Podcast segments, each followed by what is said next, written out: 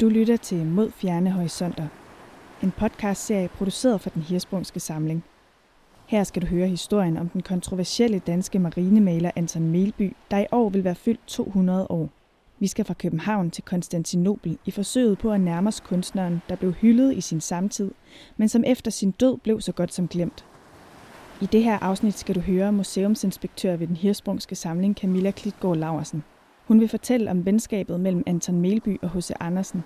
De havde begge to eventyret i deres hænder, men de udfoldede det kunstnerisk meget forskelligt. Langt ude på havet er vandet så blåt som bladene på den dejligste kornblomst, og så klart som det reneste glas. Men det er meget dybt, dybere end noget ankertorv når.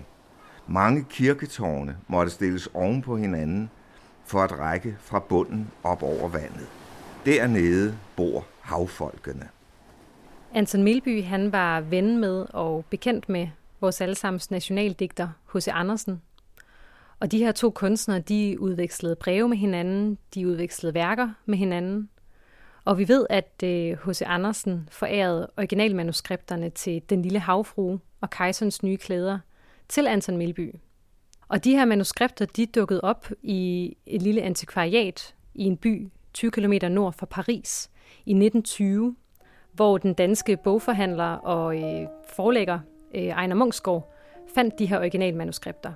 Og de her originalmanuskripter, de var bundet sammen fuldstændig hulter til bulter med en knappenål i siden, øh, og han identificerede dem altså som originalmanuskripterne til til H.C. Andersens eventyr. Ejner Munksgaard, han tager dem så med til Danmark, hvor han så forærer dem til, til H.C. Andersens hus øh, i øh, H.C. Andersens hjemby øh, Odense.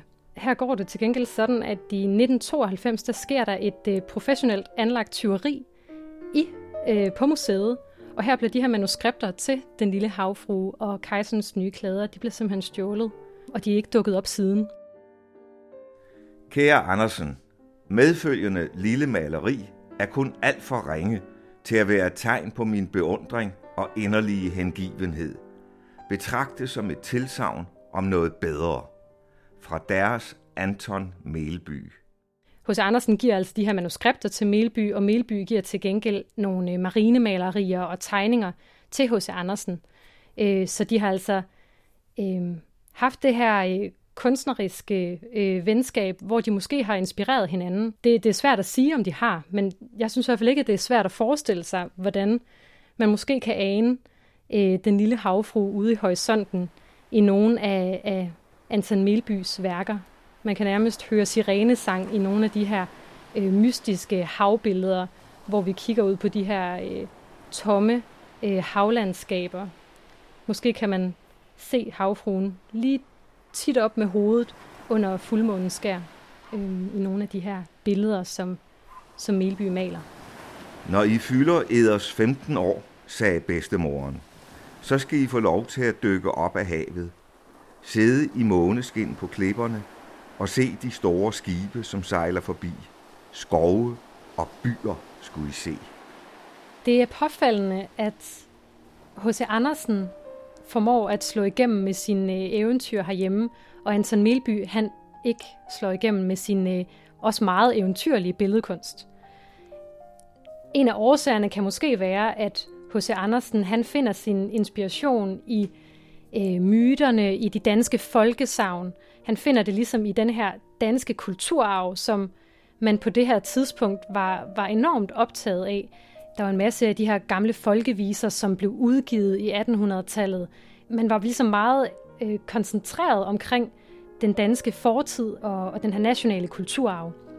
Og her finder H.C. Andersen altså meget af sin inspiration hos Andersen rejser også meget, og han har en helt meget stor sådan, international side, men i dag der bliver han meget fremstillet som denne her nationale kunstner. Men Melby slår ikke igennem herhjemme, og det skyldes nok, at han ikke finder sin inspiration i Danmark. Han øh, rejser mod fjerne horisonter, han rejser til øh, Tyrkiet, til Marokko, ud i Europa, hvor han, han bliver påvirket af de kunstneriske retninger, der er her. Han eksperimenterer med farven, med mere sådan spontane penselstrøg, fuldmåne billeder. Og når han så laver de danske motiver, så krydrer han altså motiverne med alt det her, som han har lært i udlandet, som ikke faldt i den danske smag.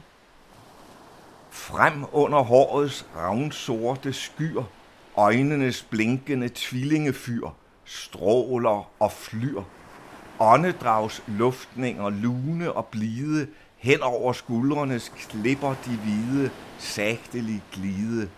Mens imod dragtens kniblinge kyst, svulmende vugges det bølgende bryst, skumvidt, men tyst. Ak, om der lød dog, smeltende blød og dårende mild, hen til sig dragende, kærlighedsklagende havfrue sang. Forlægger og forfatter Asger Snak læste op fra et brev, som Anton Melby sendte til H.C. Andersen.